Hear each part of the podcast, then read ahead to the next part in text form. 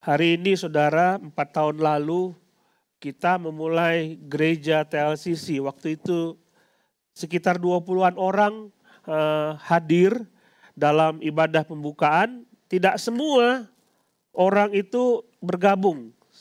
Tidak semua bergabung dengan gereja ini karena sebagian besar mereka adalah tamu-tamu dan simpatisan dan tempatnya tidak sebesar ini, kecil sekali dan kita beriman untuk uh, untuk hadir.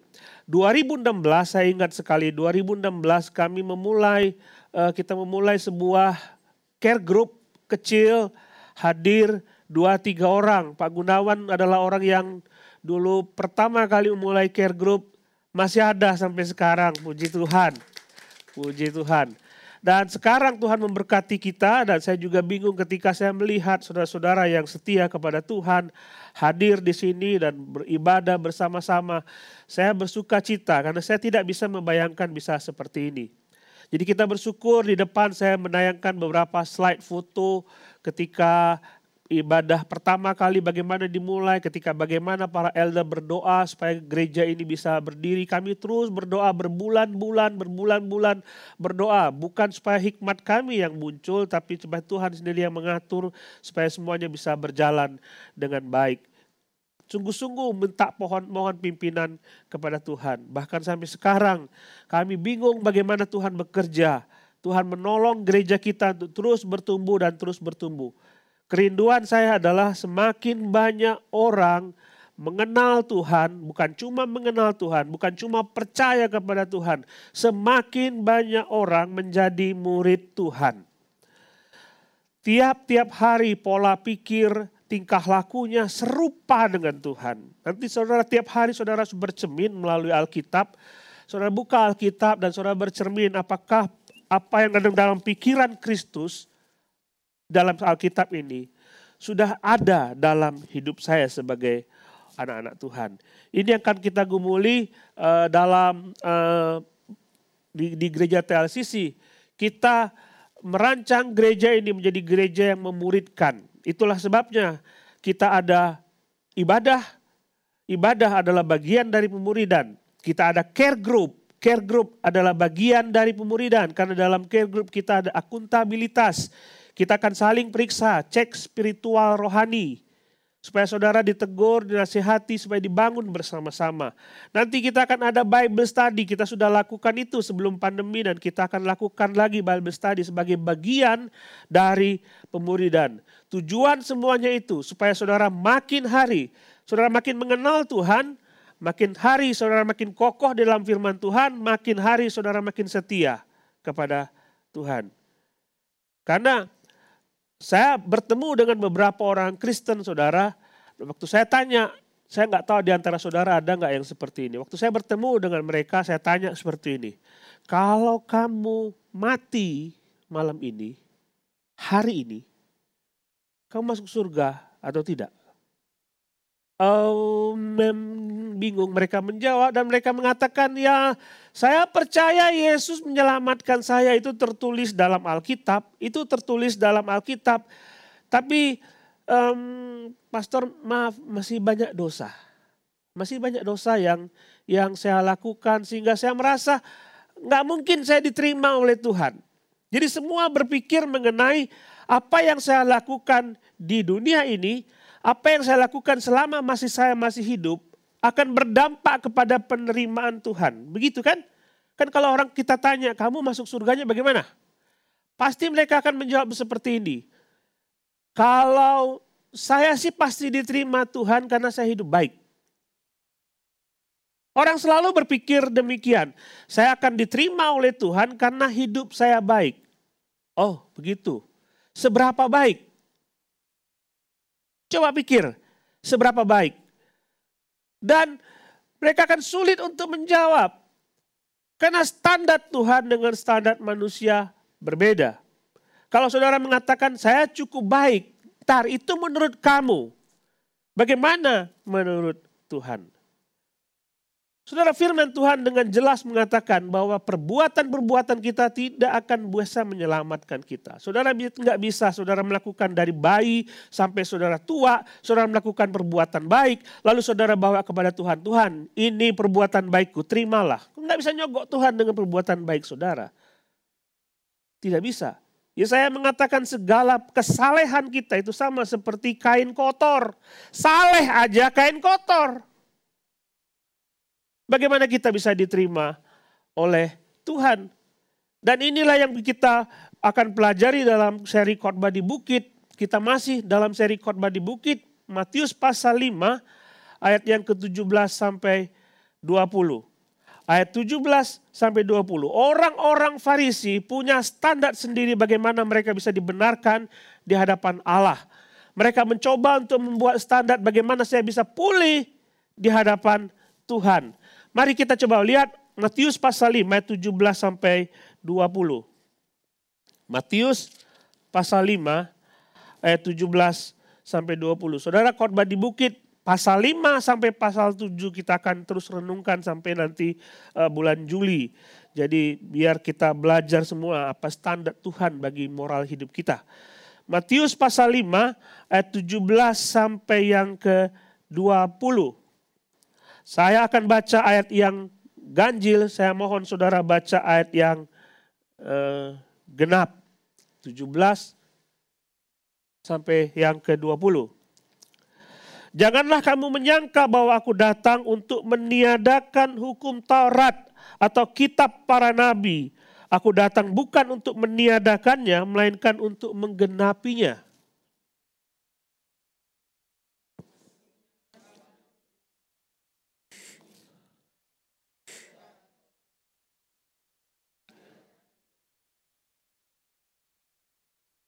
Karena itu siapa yang meniadakan salah satu perintah hukum Taurat sekalipun yang paling kecil dan mengajarkannya demikian kepada orang-orang lain, ia akan menduduki tempat yang paling rendah di dalam kerajaan surga. Tapi siapa yang melakukannya dan mengajarkannya segala mengajarkan segala perintah-perintah hukum Taurat, ia akan menduduki tempat yang tinggi dalam kerajaan surga.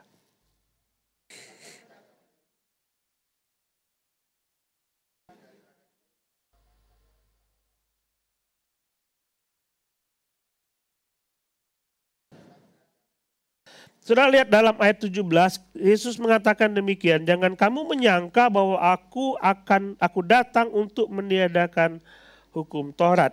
Yesus Yesus sudah membaca itu ketika orang-orang Farisi dan orang-orang Yahudi melihat ketika Yesus berjalan berkeliling, dia dia dia melihat ada orang lumpuh dan dia sembuhkan dan itu pada hari Sabat. Mereka punya standar di hari Sabat tidak boleh melakukan apa pun. Standar mereka seperti itu. Dan ketika murid-muridnya lapar, mereka melihat gandum, bulu-bulu gandum, mereka meng, meng, apa, menggosok uh, gandum itu supaya uh, kulitnya keluar. Mereka makan gandum itu karena mereka lapar. Tapi itu hari sabat. Dan mereka kan nggak bisa metik gandum pada hari sabat. Karena karena ketika Yesus melakukan itu, mereka berpikir ini ada seorang guru yang luar biasa waktu dia mengajar, Khotbahnya luar biasa, dia menyembuhkan orang, mujizatnya luar biasa, tetapi dia melanggar semua yang ada di dalam hukum Taurat. Mungkinkah dia datang untuk meniadakan hukum Taurat? Saudara hukum Taurat yang disebutkan disebutkan di sini. Jangan kamu menyangka aku datang untuk meniadakan hukum Taurat dan kitab para nabi. Artinya semua kitab Taurat dari kejadian sampai ke Maleaki kitab para nabi itu tidak akan ditiadakan oleh Yesus. Satu iota atau satu goresan kecil, satu titik kecil pun tidak bisa ditiadakan. Semua berlaku sampai saat ini. Semua berlaku sampai saat ini. Dan Yesus mengatakan aku tidak berencana, bahkan aku tidak punya, tidak ingin meniadakan itu semua. Tapi mereka bingung kenapa Yesus me, me, melakukan sesuatu pada hari sabat yang dilanggar oleh oleh hukum Taurat. Mereka bingung, mungkin Yesus ingin supaya hukum Taurat berubah.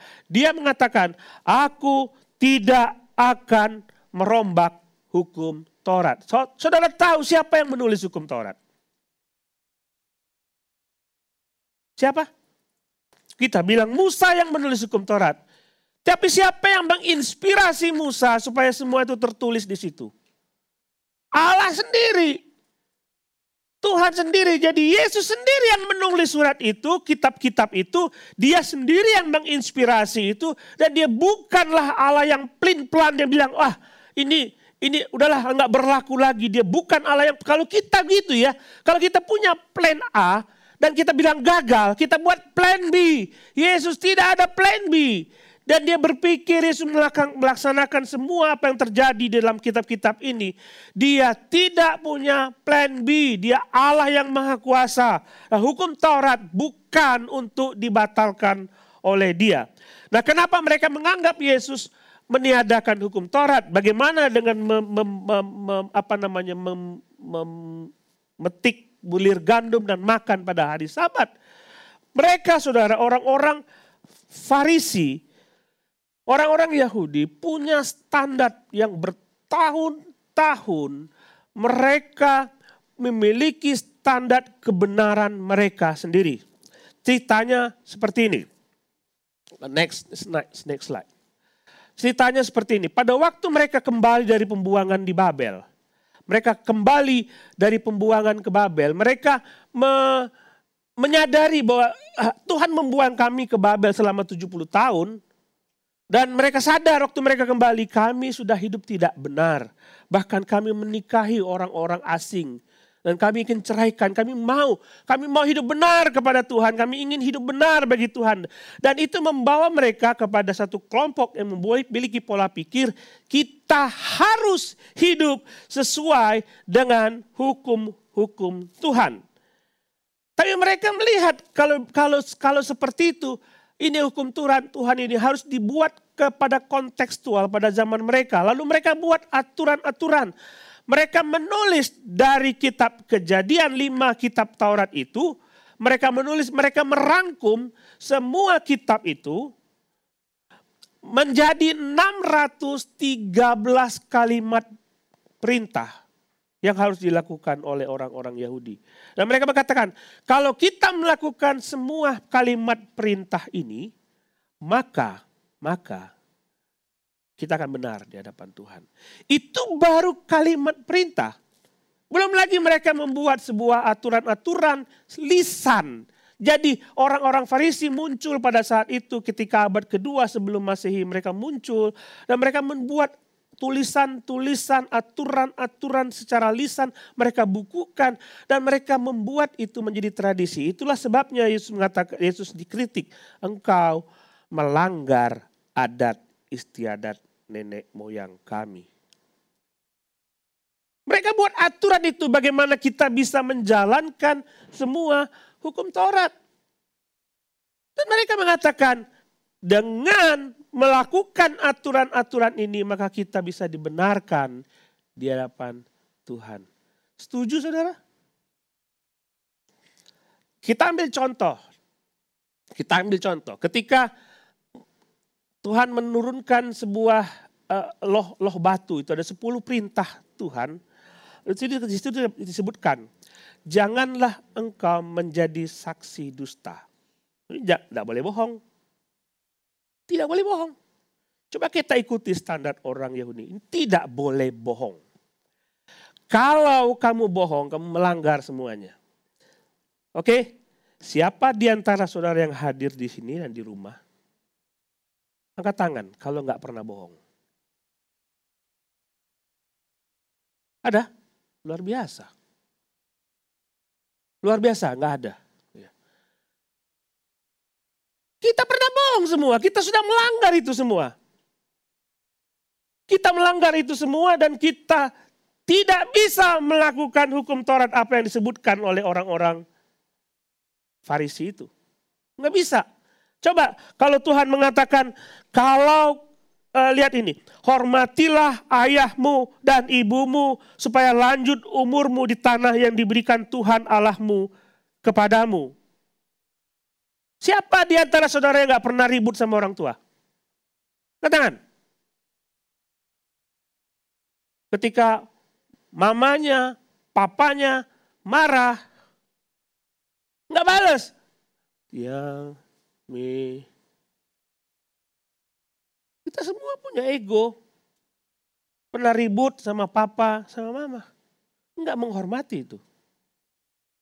Bagaimana saudara bisa memenuhi standar ini? Nggak bisa. Jadi kata kata kata mereka ahli Taurat dan orang Farisi itu, kalau kamu memenuhi standar ini, engkau dibenarkan di hadapan Tuhan. Tapi kita tidak ada satupun yang yang melakukan semuanya itu dengan benar. Ada satu ketika orang ada seorang pemuda yang kaya raya datang kepada Yesus dan dia menguji Yesus, dia berkata, "Guru, apa yang hendak saya lakukan? Ap, apakah yang uh, hukum Taurat itu seperti apa? Dan Yesus mengatakan, hukum yang terutama adalah dengarkanlah hai orang Israel, Tuhan Allah itu kita Esa, kasihilah Tuhan Allahmu dengan segenap hatimu dan dengan segenap jiwamu dan dengan segenap akal budimu dan dengan segenap kekuatanmu. Dan hukum yang kedua ialah kasihilah sesama manusia seperti dirimu sendiri. Tidak ada hukum lain yang lebih utama dari hukum ini. Kedua hukum ini mencantumkan, merangkum semua apa yang tertulis dalam hukum Taurat. Benar kan? Kasihilah Tuhan Allahmu dengan segenap hatimu, dengan segenap akal budimu, dengan segenap jiwamu, dengan segenap kekuatanmu. Itu terangkum di situ semua. Tapi di antara saudara coba, siapa di antara saudara yang sudah melakukan ini? Mengasihi Tuhan dengan segenap hati, dengan segenap akal budi, dengan segenap kekuatan. Kalau saudara mengasihi Tuhan, saudara pasti ingin berbicara dengan dia tiap-tiap hari. Saudara tidak akan pernah melewatkan doa. Saudara tidak akan pernah melewatkan baca Alkitab. Saudara tidak akan pernah melewatkan ibadah.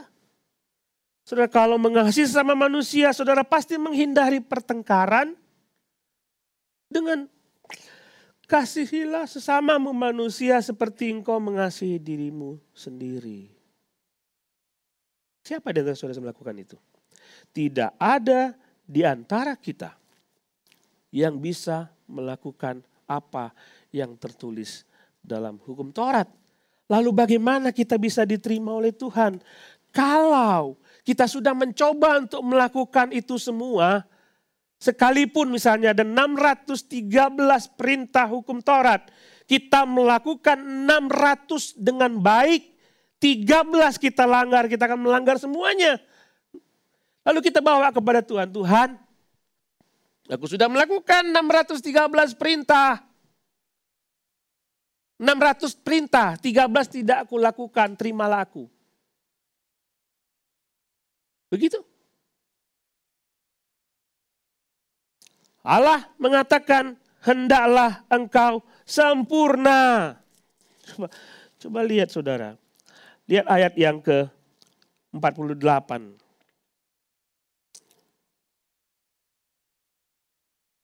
Pasal 5, Matius pasal 5. Karena itu hendaklah kamu sempurna sama seperti Bapamu di surga adalah sempurna.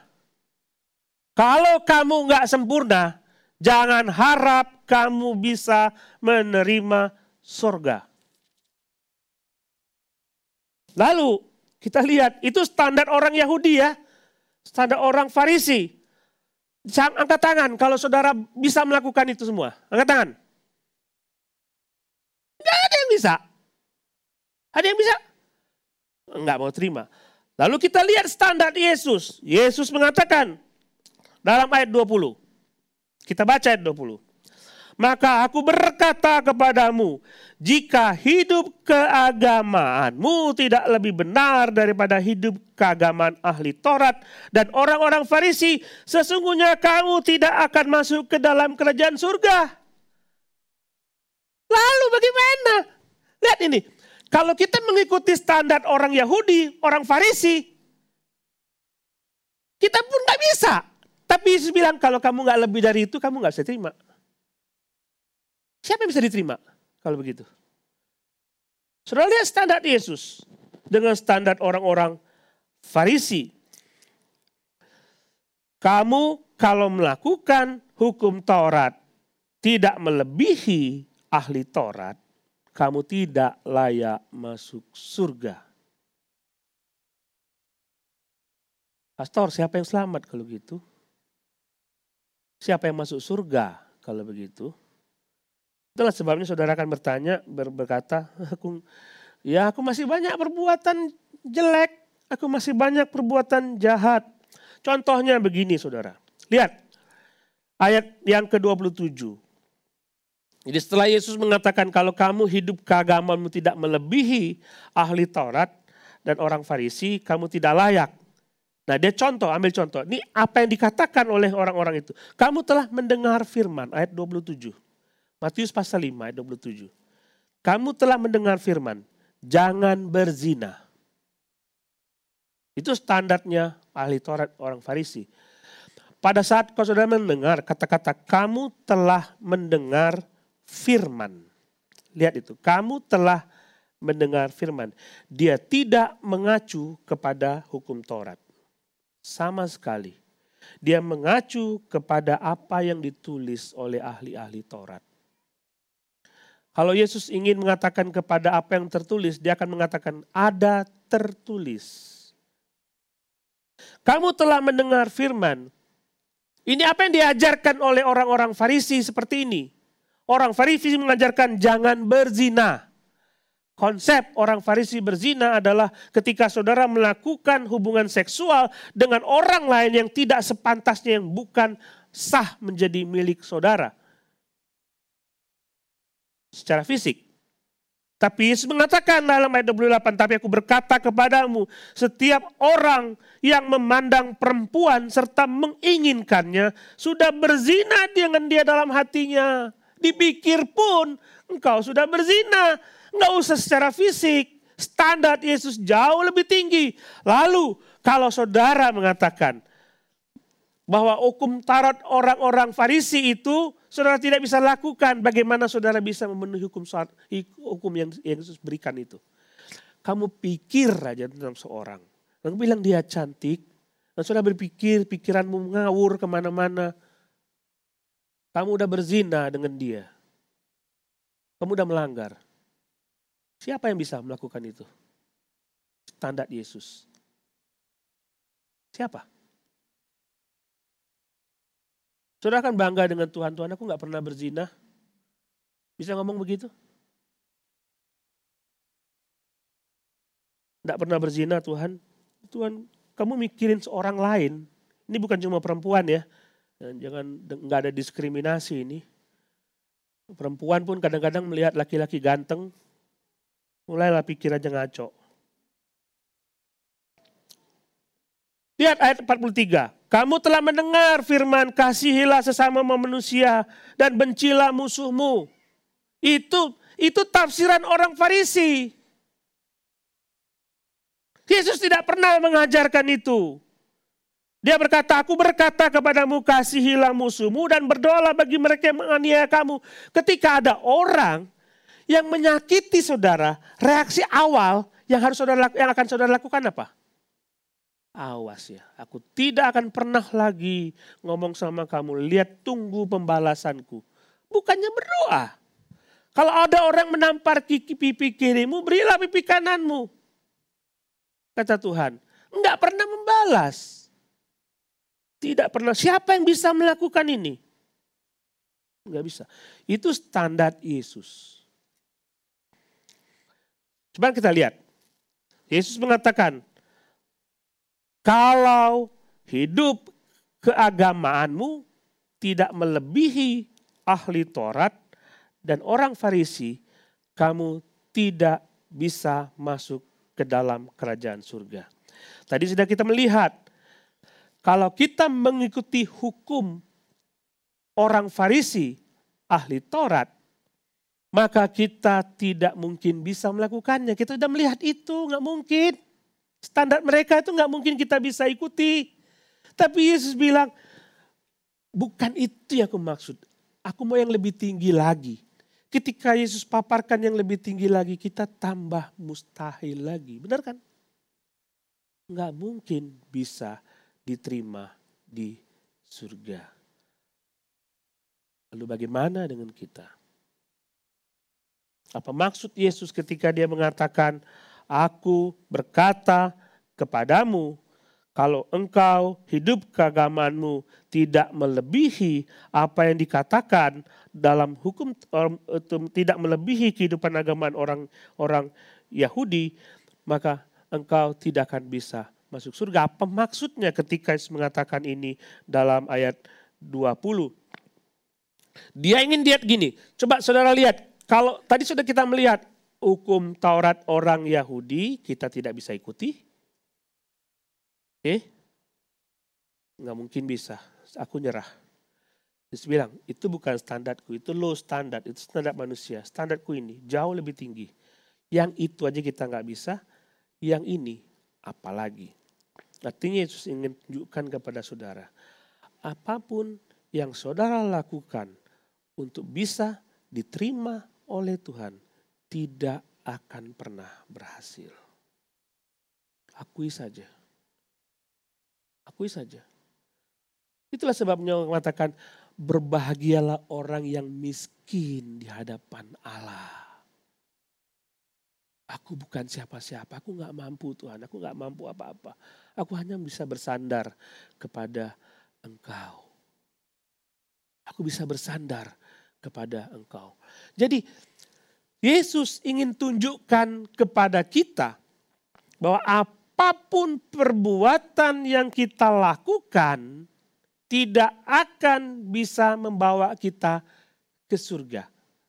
Sekalipun saudara melakukan dengan saleh, tidak akan bisa membawa.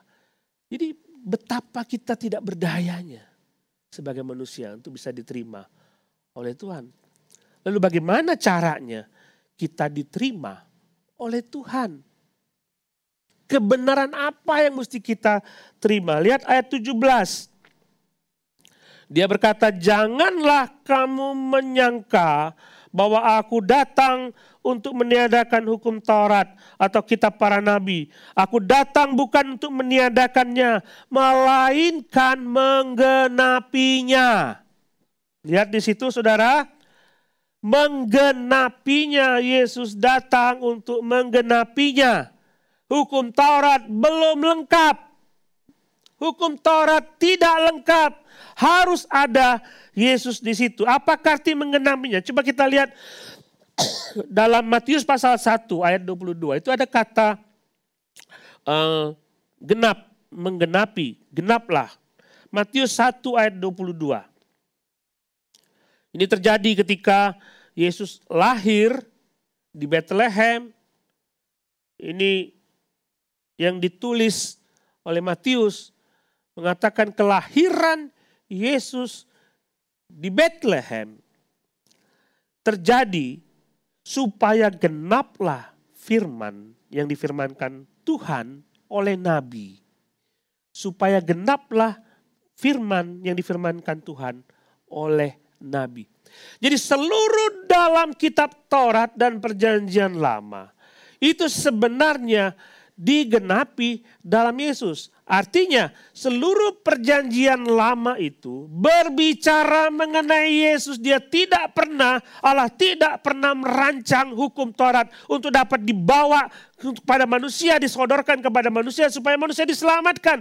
Tidak pernah itu sama sekali. Semua hukum Taurat itu berbicara mengenai Yesus. Saudara lihat di Taman Eden ketika manusia jatuh dalam dosa. Yesus mengatakan melalui perempuan ini.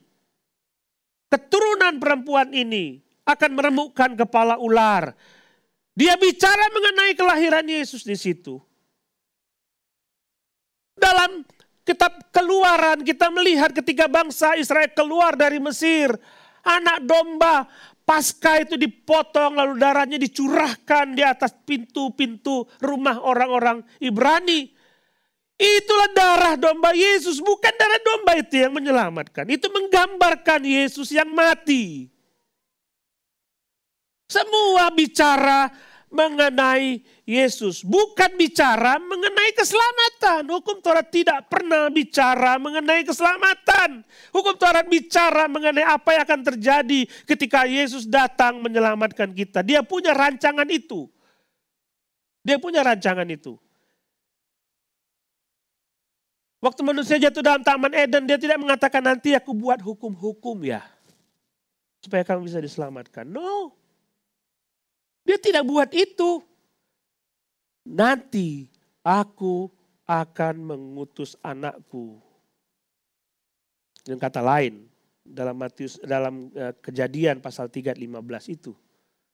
Nanti aku akan mengutus anakku lahir dari seorang wanita, bukan dari laki-laki dia akan menemukan iblis ini. Dia akan mengalahkan maut itu. Dia tidak bicara mengenai hukum Taurat. Dia tidak bicara mengenai perbuatan baik. Dia bicara mengenai Yesus. Jadi keselamatan hanya melalui Yesus, bukan melalui perbuatan baik. Orang-orang di Galatia, Paulus menulis surat kepada jemaat di Galatia, dia mengatakan tuh uh, mereka membuat ada pengajaran kepada mereka begini, aku terima Yesus tapi plus perbuatan baik, maka aku akan selamat. Terima Yesus saja tidak cukup, harus plus perbuatan baik. Plus perbuatan baik. Apa komentar Paulus? Kamu orang Galatia yang bodoh Mau diberi gratis, kamu nggak mau, kamu mau beli. Lihat keselamatan itu diberikan gratis oleh Tuhan. Tapi kita nggak mau, kita mau beli bodoh namanya itu. Bodoh, jangan kembali lagi. Dia buat gambaran seperti ini. Coba lihat Abraham. Nanti saudara baca kitab Galatia. Abraham dibenarkan oleh Tuhan karena apa? Imannya bukan perbuatannya. Abraham dibenarkan, tetapi pada saat itu hukum Taurat belum ada. Hukum Taurat ada kan pada zaman Musa. Pada zaman Abraham belum ada. Kok kamu mau-maunya? Tidak mengikuti jejak bapakmu Abraham yang dibenarkan hanya karena iman. Hanya karena iman. Coba kita buka saudara. Hmm.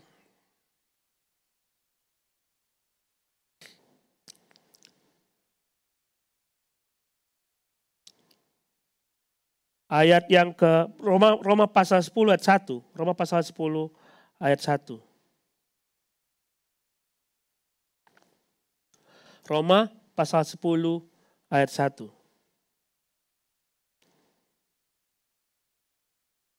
Saudara-saudara, ini Paulus mengungkapkan perasaannya terhadap orang Israel. Orang Israel yang cuma berjuang bagaimana aku bisa dibenarkan oleh Tuhan melalui melakukan hukum Taurat. Dia berkata begini, saudara-saudara keinginan hatiku dan doaku supaya kepada Tuhan ialah supaya mereka diselamatkan, supaya orang-orang Yahudi itu diselamatkan, supaya orang-orang Israel itu diselamatkan. Sebab aku dapat memberi kesaksian tentang mereka bahwa mereka sungguh-sungguh giat untuk Allah, tetapi tanpa pengertian yang benar. Sebab karena oleh karena mereka tidak mengenal kebenaran Allah, mereka hanya mengenal kebenaran mereka sendiri yaitu melalui hukum Taurat. Mereka tidak mengenal kebenaran Allah. Oleh karena mereka berusaha untuk mendirikan kebenaran mereka sendiri. Maka mereka tidak takluk kepada kebenaran Allah. Ayat 4 sebutkan. Sebab Kristus adalah kegenapan hukum Taurat. Itu kebenaran Tuhan. Sehingga kebenaran diperoleh tiap-tiap orang yang percaya. Enak sebenarnya. Kenapa mesti melakukan sesuatu yang lain? Kalau Yesus menawarkan, aku kegenapan hukum Taurat. Kalau engkau percaya kepadaku, maka kebenaranku akan kuberikan kepadamu. Cukup itu saja. Enak enggak? Enak. Enak. Saya tahu banyak di antara saudara yang berjuang untuk dapat dibenarkan, diterima oleh Tuhan ke surga. Saudara berjuang bagaimana caranya saya masih bisa masuk surga dengan melakukan perbuatan baik. Stop. Percaya saja kepada Yesus. Yang melakukan kebenaran itu, dia akan memberikan kebenaran itu kepada saudara. Lihat kritik Paulus kepada orang-orang Galatia dalam Galatia pasal 3 ayat 24 disebutkan begini. Jadi, hukum Taurat, Galatia pasal 3 24. Jadi, hukum Taurat adalah penuntun bagi kita sampai Kristus datang supaya kita dibenarkan karena iman, bukan karena perbuatan. Yesus memberikan hukum Taurat itu kepada bangsa Israel supaya mereka dituntun. Lihatlah, kamu lihat hukum Taurat, lihat dalam perjanjian lama. Semua kamu lihat itu, teliti dengan baik. Semua bicara mengenai Mesias. Teliti dengan baik. Kita dituntun sampai Mesias itu datang. Dia bukan kebenaran itu sendiri.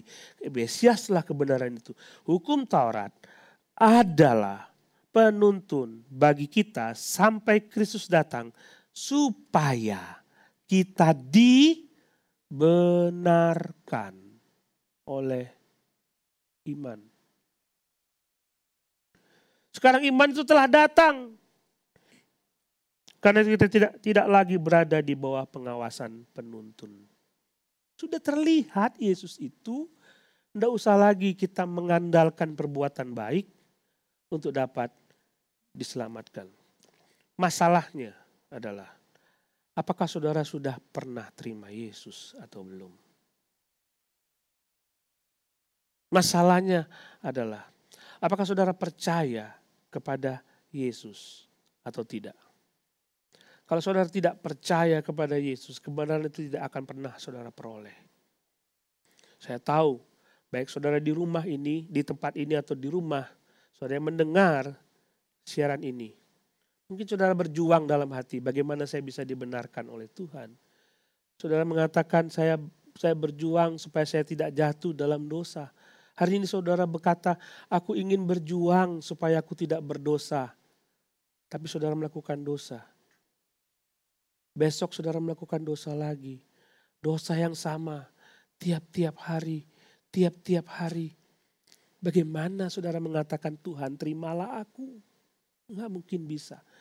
Satu-satunya cara, saudara, saudara terima Yesus supaya kebenaran Tuhan ada di dalam dirimu.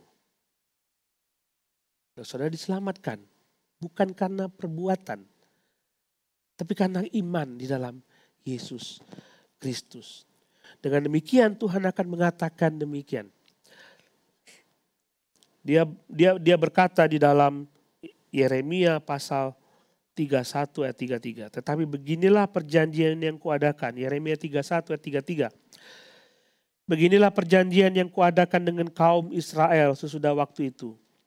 Demikianlah firman Tuhan. Aku akan menaruh Tauratku. Dia tidak pernah menghilangkan hukum Taurat. Aku akan menaruh Tauratku dalam batin mereka, bukan lagi dalam bentuk kertas. Dan menuliskannya dalam hati mereka, maka aku akan menjadi Allah mereka dan mereka menjadi umatku. Ketika seorang menerima kebenaran Tuhan, Roh membantu dia untuk mempertimbangkan apakah yang saudara lakukan itu sesuai dengan kehendak Tuhan atau tidak saudara akan menerima roh yang menuntun saudara untuk dapat melakukan apa yang Tuhan mau. Yang Tuhan mau. Jadi tantangannya begini saudara. Tantangannya pertama, bagi saudara yang belum percaya kepada Kristus. Saudara berjuang bagaimana saudara bisa masuk surga. Saudara mencari jalan. Saya tahu eh, banyak agama di dunia ini mereka semua berkata kami berjuang untuk bisa masuk surga. Tapi coba pikir. Adakah saudara melakukan itu layak, kebaikan-kebaikan saudara layak bisa saudara bawa kepada Tuhan. Tiap-tiap hari saudara jatuh dalam dosa yang sama. Saudara berjuang untuk menghindari tapi saudara tidak bisa. Satu-satunya cara adalah saudara terima Yesus. Kalau saudara belum percaya kepada Yesus, saudara terima Yesus. Biarlah kebenaran di dalam Yesus itu diberikan kepada saudara. Itu maksudnya. Lalu pastor buat saya orang Kristen apa? Saya orang percaya kepada Yesus. Saya setia kepada Yesus. Saya yakin saya diselamatkan bukan karena perbuatan tapi karena iman kepada Yesus. Bagi saya apa? Saudara lihat orang-orang Farisi ini mendowngrade firman Tuhan. Standar firman Tuhan demi kepentingan mereka. Mereka mendowngrade itu. Standarnya diturunkan. Orang Kristen ketika membaca firman Tuhan, ini firman Tuhan ya, masih berlaku kan? Allah tidak pernah membatalkan ini. Masih berlaku. Kita mendowngrade ini. Firman Tuhan. Dengan cara bagaimana? Ketika saudara mendengar firman Tuhan, membaca Alkitab, atau saudara mendengar khotbah, dan saudara yakin itu buat saudara, sudah akan mengeles gini, ah nanti aja lah. Masih ada waktu. Bener gak? Gak bisa lah. Ketika Tuhan memberikan kepada saudara sebuah firman yang menurut saudara berat, saudara akan mengatakan kepada Tuhan, begini saja Tuhan gak usah itu terlalu berat.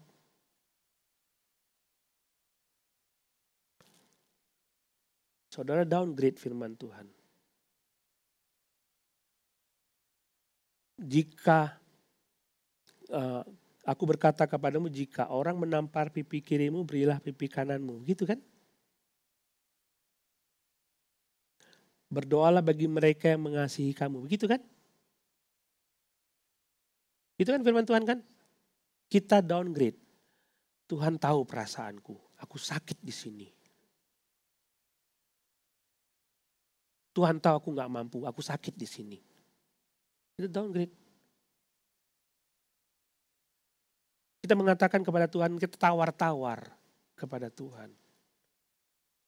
Kalau kalau Allah berbicara kepada saudara untuk pergi ke sebuah tempat dan menginjili seseorang di sana, pergilah ke temanmu itu, injilah dia, beritahu dia tentang dosanya. Apa yang sudah pikir? Ah nggak bisa lah, jangan akulah. Nanti ada orang lain yang injili dia. Standar Tuhan bukan standar saudara. Jangan pernah jadi orang Farisi yang menurunkan standar firman Tuhan dalam hidup saudara. Jangan. Standar dia terlalu tinggi. Dengar saudara, kebenaran Tuhan diberikan kepada saudara. Dia bukan cuma menyelamatkan saudara. Jadi pada waktu saudara terima dia sebagai Tuhan dan Juru Selamat, dia berikan roh kudus kepada saudara. Sehingga ketika saudara mendengarkan firman Tuhan, saudara akan berkat, dia kudus akan menolong saudara untuk melakukan apa yang dia perintahkan. Dia menolong itu. Tapi kita ngomong kepada roh kudus, roh kudus duduk di situ. Biar aku yang ngomong. Stop ngomong roh kudus. Kita menjadi Tuhan atas dia. Terbalik. Peka saudara kepada firman Tuhan. Peka. Jadi renungkan ini saudara. Jangan buat firman Tuhan itu saudara tafsir atas keinginan saudara sendiri. Biarkan dia berbicara leluasa biarkan dia mengubah hidup saudara hari demi hari. Mari kita berdoa.